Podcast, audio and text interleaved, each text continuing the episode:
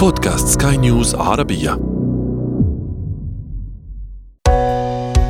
حياتنا.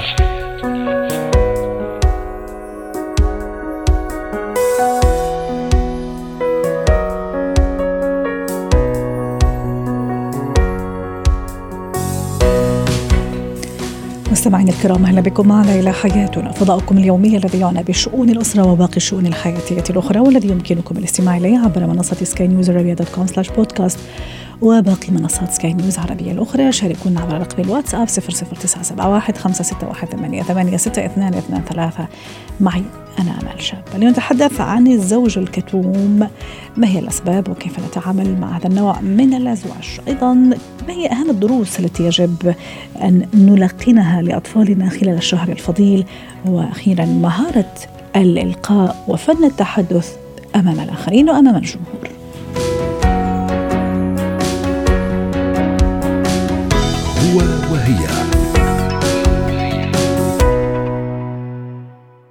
لا شك أن الزواج هي علاقة قوية متينة قائمة على الثقة المتبادلة وعلى الحوار الدائم بين الزوجين. لكن ماذا إذا كان الزوج كتوما أو أحد الزوجين أيضا؟ قد تكون الزوجة أيضا كتومة لكن كيف نتعامل مع هذا النوع من الأزواج والزوجات؟ دعونا نرحب بدكتورة ريما بجاني الاستشارية النفسية والأسرية ضيفتي العزيزة من بيروت. أهلا وسهلا بدكتورة ريما. ضيفتنا العزيزة اليوم نتحدث عن الشريك الكتوم.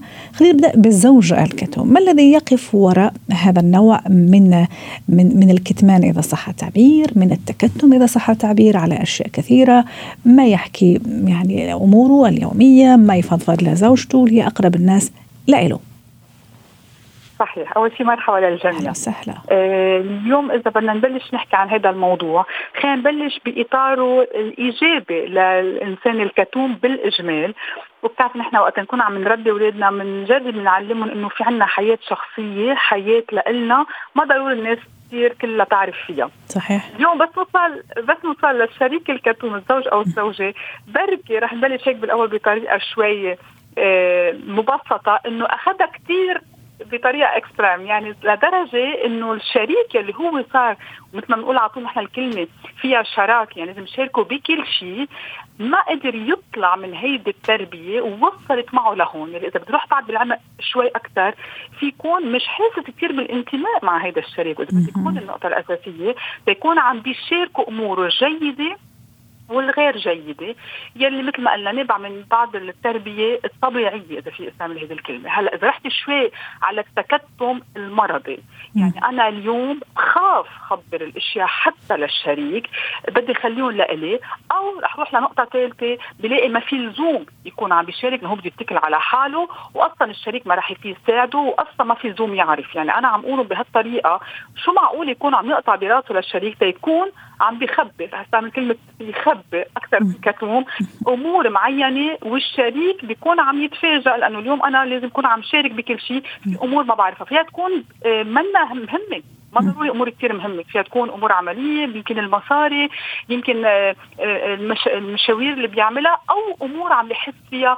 آه، انفعالاته تعبه اكسترا هون بيكون مسكر. هلأ إذا بتروح كثير اللي هو مش موضوعنا اليوم الإنسان المنغلق على ذاته هذا غير موضوع أكيد. بس اليوم نحن مش هذا موضوعنا. جميل. دكتورة ريما بين الانغلاق اللي عم تحكي عنه الكتمان أو التكتم اللي عم تحكي عنه كمان وجب الإشارة أنه حتى إذا العلاقة بين زوجين زوج وزوجة أكيد في حدود معينة وفي مساحة خاصة لكل شخص يعني من حقه أنه ما يشاركها مع الطرف الآخر. طبعا إذا لم تضر بالعلاقة الزوجية إذا ما كان في شيء يسيء للطرف الآخر ولا حتى يسيء لهذا الزوج. طيب كيف أتعامل إذا كان زوجي كتوم أو إذا كانت زوجتي كتومة؟ هل ممكن أخليه مرة أخرى ينخرط في العلاقة بيني وبينه في العلاقة الزوجية بيني وبينه أو بيني وبينها كزوجة أيضا؟ ما هي الخطوات وما هي الطرق؟ رح انطلق بالجملة الإلكية من بعد ما نكون احترمنا المساحة يلي كل إنسان لازم يتمتع فيها إن كان زوج أو طفل أو ولد أو أب أو أم كل حدا عنده هيدي المساحة الصغيرة يلي ما له حق يكون ما عم بيشاركها مع حدا. ومثل ما قلت ما تكون بس عم بتضر أكيد بالعلاقة أو ببعض المحلات. فإذا من بعد ما نكون أنا احترمت فإذا بدك هذه الخطوة الأولى يعني اليوم هون أنا بتوجه للشريك المقابل ما يكون حشور. هيدي النقطة الأساسية وما يكون عم يعمل investigation كل الوقت وخاصة مع مع الشريك الكتوم إنه كل الوقت بده يعرف كل شيء. أنا هذا كمان النوع ما بحبه كثير بسميه أنا ال report ما, ما مش مضطرين نحن نكون عم نعمل كمان تفصيل يومي بالبيت. بعد ما نكون احترمت ال space لأنه له حق من دون ما يكون عم بيضر أكيد بالعلاقة أو بالشريك. بوصل على النقطة الثانية أنا اليوم بدي أحسسه بالأمان. أنا اليوم المشاركة مش تنتقدك أول أو انتقدك أو إنه تسلط أو إنه يكون controlling أنا اليوم شو هدفي من المشاركه وهون إذا بدك النقطة الأساسية. أنا اليوم ليه بدي شريكي يكون عم بيشاركني إن كان بأموره الحياتية اليومية أو أفكاره أو انفعالاته أو مخاوفه تكون عم شاركه؟ وبركي يكون السند. إذا ما كنت السند دله وين السند اللي لازم يكون أو حتى يمكن عم بكون عم بعطيه نصايح من دون ما أكون عم imposing أنا عم بفرض ذاتي وعم بفرض حالي.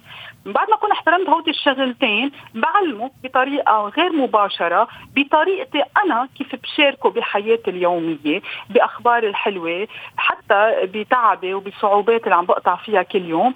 كون يمكن إذا رجعنا للنقطة الأساسية إنه هو مش معود يخبر كون عم ساعده أنا لا ينطلق إنه ما فيها مشكلة إذا أنا خبرت. يمكن هون في نقطه مهمة لازم ندور عليها. بعض الناس وخاصة بالأمور السيئة اللي ما بيحكوا عنها الغير جيدة يعتبروا هن عم بيبينوا عن ضعف ضعفهم أو عن خاصه إذا كان رجل هون يمكن أكثر شوي بتكون بفكر رح تسيء له أو إنه هذه نقطة ضعف. هون مش هيك النقطة الأساسية أنا اليوم المشاركة. ما كان فيها تكون خبرية صغيرة وفيها تكون خبرية كثير مهمة إنه أنا اليوم يكون عندي هيدا السبيس والاحترام لكل مخاوف اللي عم بقطع فيها الشريك عم يسمعني من دون ما يكون عم ينتقد وعم بيعلمني يكون عم بطلع من ذاتي وأكيد هون أنا أكون عم أبني جسر ثقة وعم أبني يعني حلقة وصل بيني وبينه أساسها الثقة المتبادلة اللي هي فعلا يمكن قد تكون أحد الأسباب اللي عم تخليها كتومة عم تخليها كتومة. 100% مشان هيك نحن اليوم ننطلق وقت نحكي إنه ما لازم يكون في judgement آه، ما بدي انتقده ما بدي حسسه إنه if ليش عم تفكر هيك أو ليه عم تحكي هيك أو إنت غلط اللي عم تعمل يعني هيك عم جرب أعطي examples وممكن حتى الأشياء البسيطة اللي ممكن يشاركني فيها أو تشاركني فيها كمان أعملها تعزيز أعززها يعني أثني عليها ممكن أحاول إني كمان أشاركه فيها أو أشاركها فيها ممكن هذه قد تكون كذا يعني يعني بداية بصيص أمل إذا صح التعبير في يعني إيجاد حل لهذه المشكلة. 100% وخاصة أمور مثل ما قلت امل أمور بسيطة بمعنى مثلا يمكن أنا اليوم عملت انجاز صغير بالبيت مثلا إذا كنت الزوجه أو الزوج قدر اليوم ما ينفعل على موظف عنده مثلا يقدر يكون عم بيشارك. يعني حتى الأمور البسيطة اللي بتعزز الثقة بالنفس وثقتي بالشريك اللي هو عم بيقدر الأمور اللي عم بقطع فيها الحلوة والبشعه برجع بعيد. ولو كانت صغيره بعد بعض الأحيان بنجرب نبيخ شوي الأمور وهو اللي بتخلي الإنسان يفكر على حاله أكثر ويعتبر أنا ما ضروري أشارك هذه الأشياء. شكرا لك دكتورة ريما برجاني الاستشارية الأسرية ضيفتي العزيزة من بيروت. زينة الحياة. نعيش هالأيام أجواء جميلة ورائعة أجواء روحانية أجواء حتى أيضا اجتماعية جميلة في شهر رمضان المبارك شهر الخير هذا الشهر الفضيل. وأكيد اليوم حبينا نتوقف عند هذا الأيام الفضيلة ونربطها اليوم بموضوعنا في فقرة زينة الحياة. هي الأشياء الدروس والعبر التي يجب أن نحرص على أن نلقنها لأطفالنا خلال هذا الشهر الكريم ونبني أيضا من خلالها لقادم الأيام ونستقبل الأيام في ترسيخ يعني أشياء جميلة عند طفلي. كان هذا أيضا سؤالنا التفاعلي على منصة سكاي نيوز عربية ما هي أهم الدروس التي يجب أن نعلمها للطفل في شهر رمضان المبارك؟ دعوني أقرأ بعض التعليقات.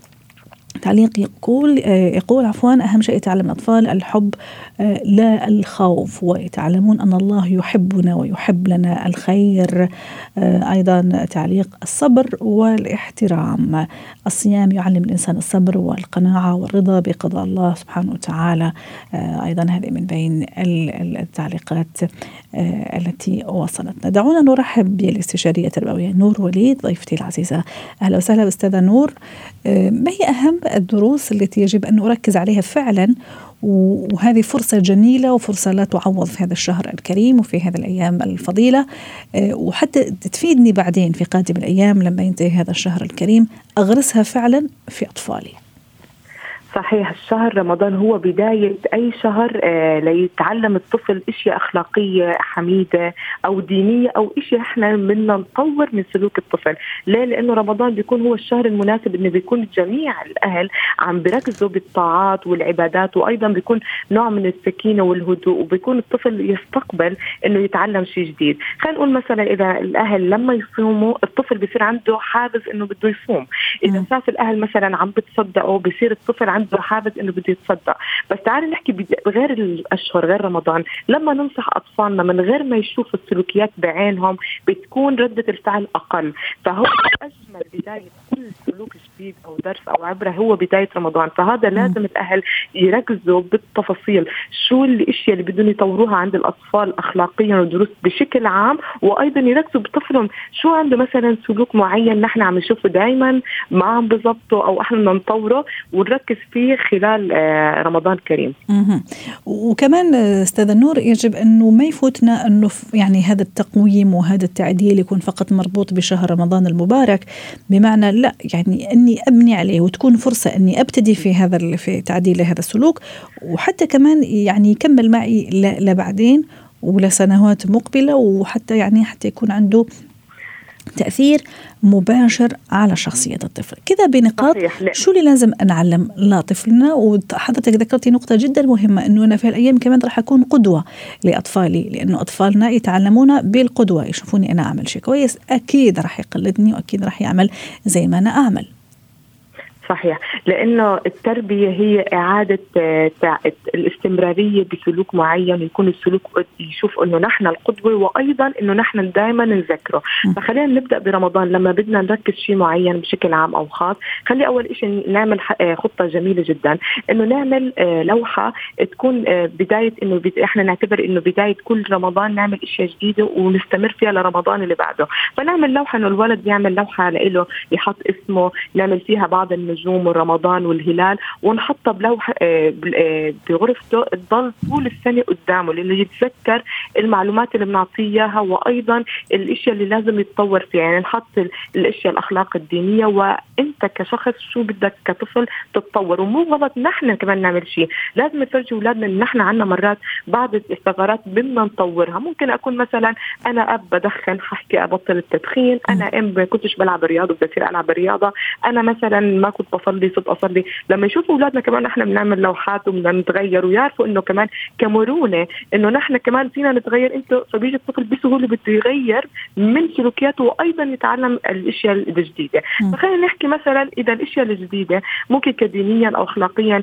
نبدأ معهم مثلا ليش فكرة الصيام؟ الصيام هي اراده الإنسان إنه يوقف عن الأكل والشرب. فمعناتها أنت قادر عندك الإرادة. إذا قدرت تصوم قدرت إنك تعمل أشياء جديدة تقدر توقف أشياء أنت ما بتحبها أو بتحبها. جميل. اذا اذا غرس في, في نفسهم معنى أو مفهوم الإرادة.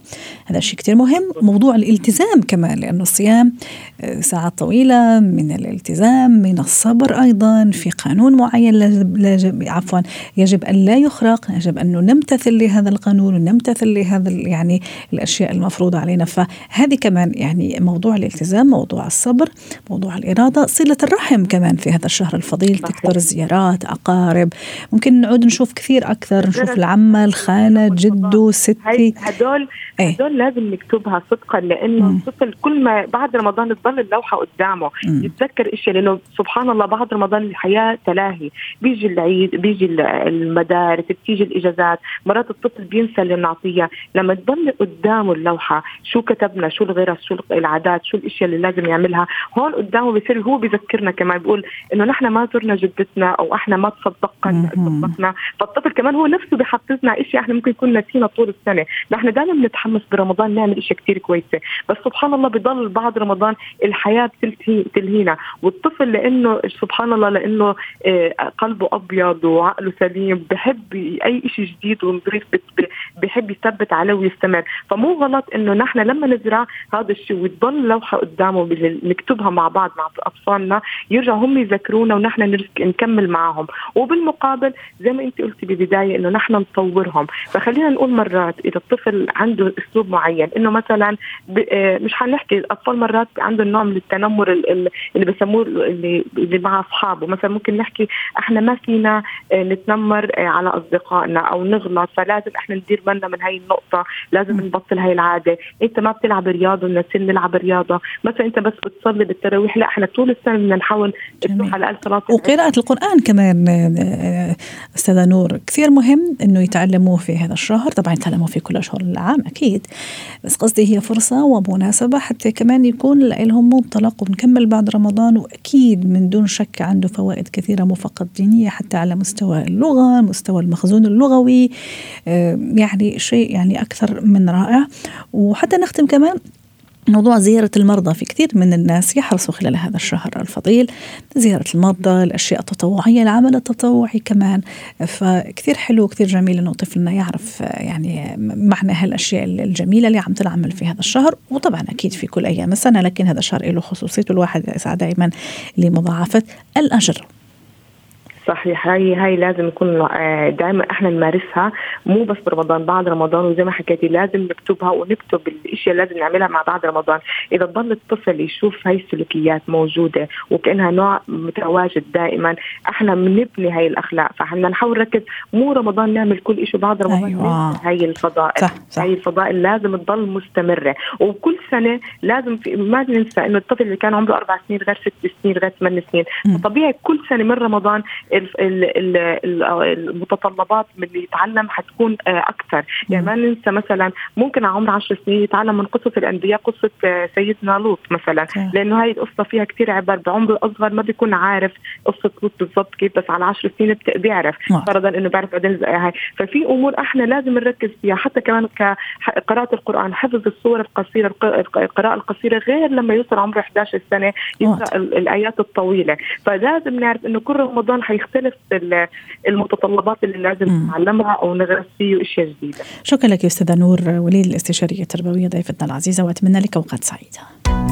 مهارات الحياة اليوم نتحدث عن مهارة التحدث أمام الآخرين أو أمام الأشخاص الجمهور.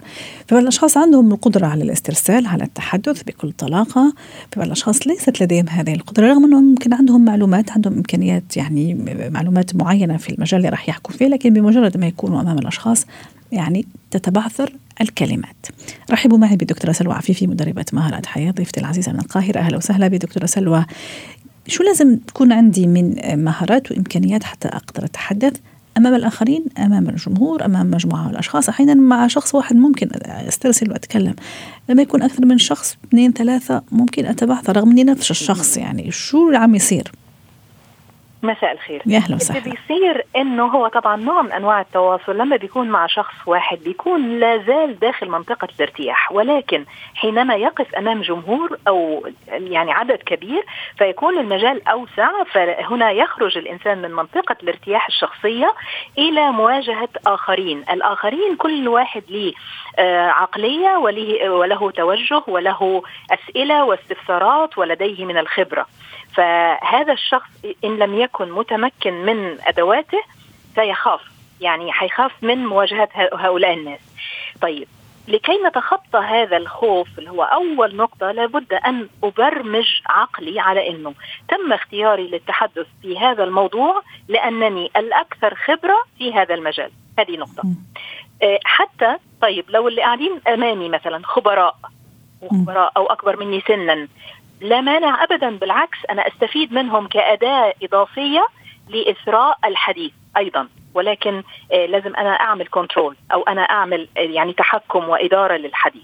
فهناك وسائل كثيرة إني أنا بالعكس أستفيد من ذلك. آه، هنا أيضا تأتي نقطة التحضير للتحدث. التحضير ما هو الموضوع الذي أريد أن أتحدث فيه؟ لماذا؟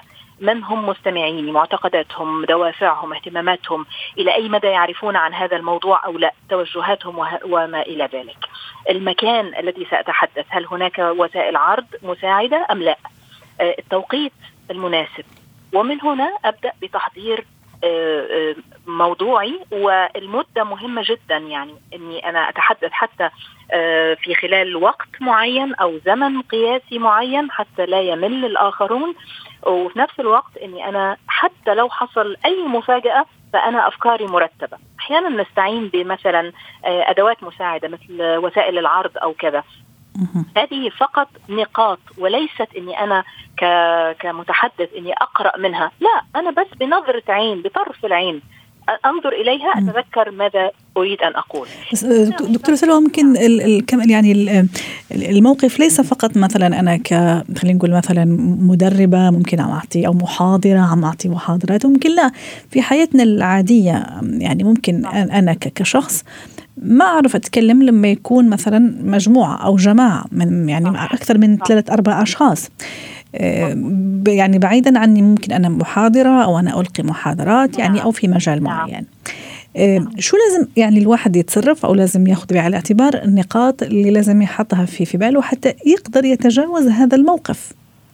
أول شيء أني أستمع جيدا. قبل أن أتلفظ بأي لفظ ربما يكون سؤالي أو مثلا إذا أردت أن أتحدث أو أرد خليني أسمع الآخرين الأول. وهذا في حد ذاته مهارة مهارة الاستماع.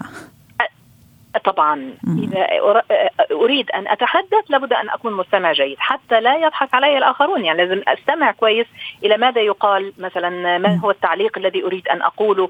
لا يكون مثلا شيء شخصي. لا اقوله بانفعال. آه، إذا حد سألني على سؤال خليني أفكر. دايما إحنا بنقول من الذكاء إنه أفكر. حتى لما تسأليني سؤال مش معنى إن أنا آخذ تسع ثواني مثلا أو خمس ثواني للتفكير معناها إني أنا لا أفهم أو إني أنا آه، لست حاضرة. بالعكس فكر فكر في وقع كلامك على الآخرين فكر في يعني آه، أسوأ شيء ممكن يحصل. إنه حد يواجهني بسؤال مثلا أو يتهكم علي أوكي لدي حق الرد أيضا. فيعني لابد أن نقوي أنفسنا من الداخل للتحدث. في البعض مثلا بيعملوها كثير وحتى مثلا المدربين ينصحوا فيها إنه مثلا تواجه المرايه مثلا وتحكي أمام المرآة. نعم. تقوية نعم. الشخصيه ثقة بالنفس تعرف نعم. على مكامن ال ال ال يعني نقاط الضعف. هل هذا صحيح. يعني صحيح؟ نعم. إيه، شوفي البروفا إن إحنا ندرب نفسنا قبل التحدث أو إن إحنا نكلم نفسنا قدام المراية. أو أقول لك على حاجة تانية مفاجأة كلمي نفس نكلم نفسنا قدام الحائط تخيلي. دي من ضمن التدريبات. أهم شيء ما يشوفونا الناس حتى لا نتهم بالجنون. بالعكس حتى إني كأني أنا أكلم نفسي. آه طبعا اليوم أصبح كل كل الناس عندها موبايلات وكل الناس عندها كاميرات وكل الناس تطلع على ال social media تتحدث. يعني أصبح الموضوع أكثر جرأة كمان. استخدام إني أنا أسجل لنفسي فيديو مثلا آه استخدام إني الأصدقاء أو الأهل إني أعمل معاهم بروفا أو أتحدث. فدي من ضمن الأساليب اللي إحنا بندرب نفسنا فيها آه، إنه حتى يعني نتقن الحديث. ومهم جدا إنه أنا أرتب أفكاري ونحط حتى آه، بناء بنيان كده دايما في صحيح. يعني يكون في افتتاحية يكون في محتوى يكون في ختام لطيف. صحيح. وموضوع ال body language أيضا دكتوره سلوى نعم. باختصار شديد في أقل من 20 ثانية. صحيح. شوفي في كل لقاء لازم نذكر ال body language اولا ارتدائي للملابس المناسبة المريحة. إذا كنت مثلا سألقي خط آه، ممكن ان إحنا نحرك إيدينا. آه صحيح على فكرة. بس في حدود. صح. يعني مش بشكل مبالغ فيه. مش بشكل مبالغ فيه طبعا. الصوت نبرة الصوت تكون كلامي واضح. وقعدتي حتى لو كان مثلا في نقاش حاد أو كذا لا أتعصب لا أحرك إجري مثلا أو لا أعبث. آه، الصوت نبرة الصوت أيضا مهمة ووضوح مخارج الألفاظ اختيار الكلمات الذهبية. شكرا لك دكتورة سلوى عفيفي مدربة مهارات حياة ضيفتي العزيزة من القاهرة. حياتنا.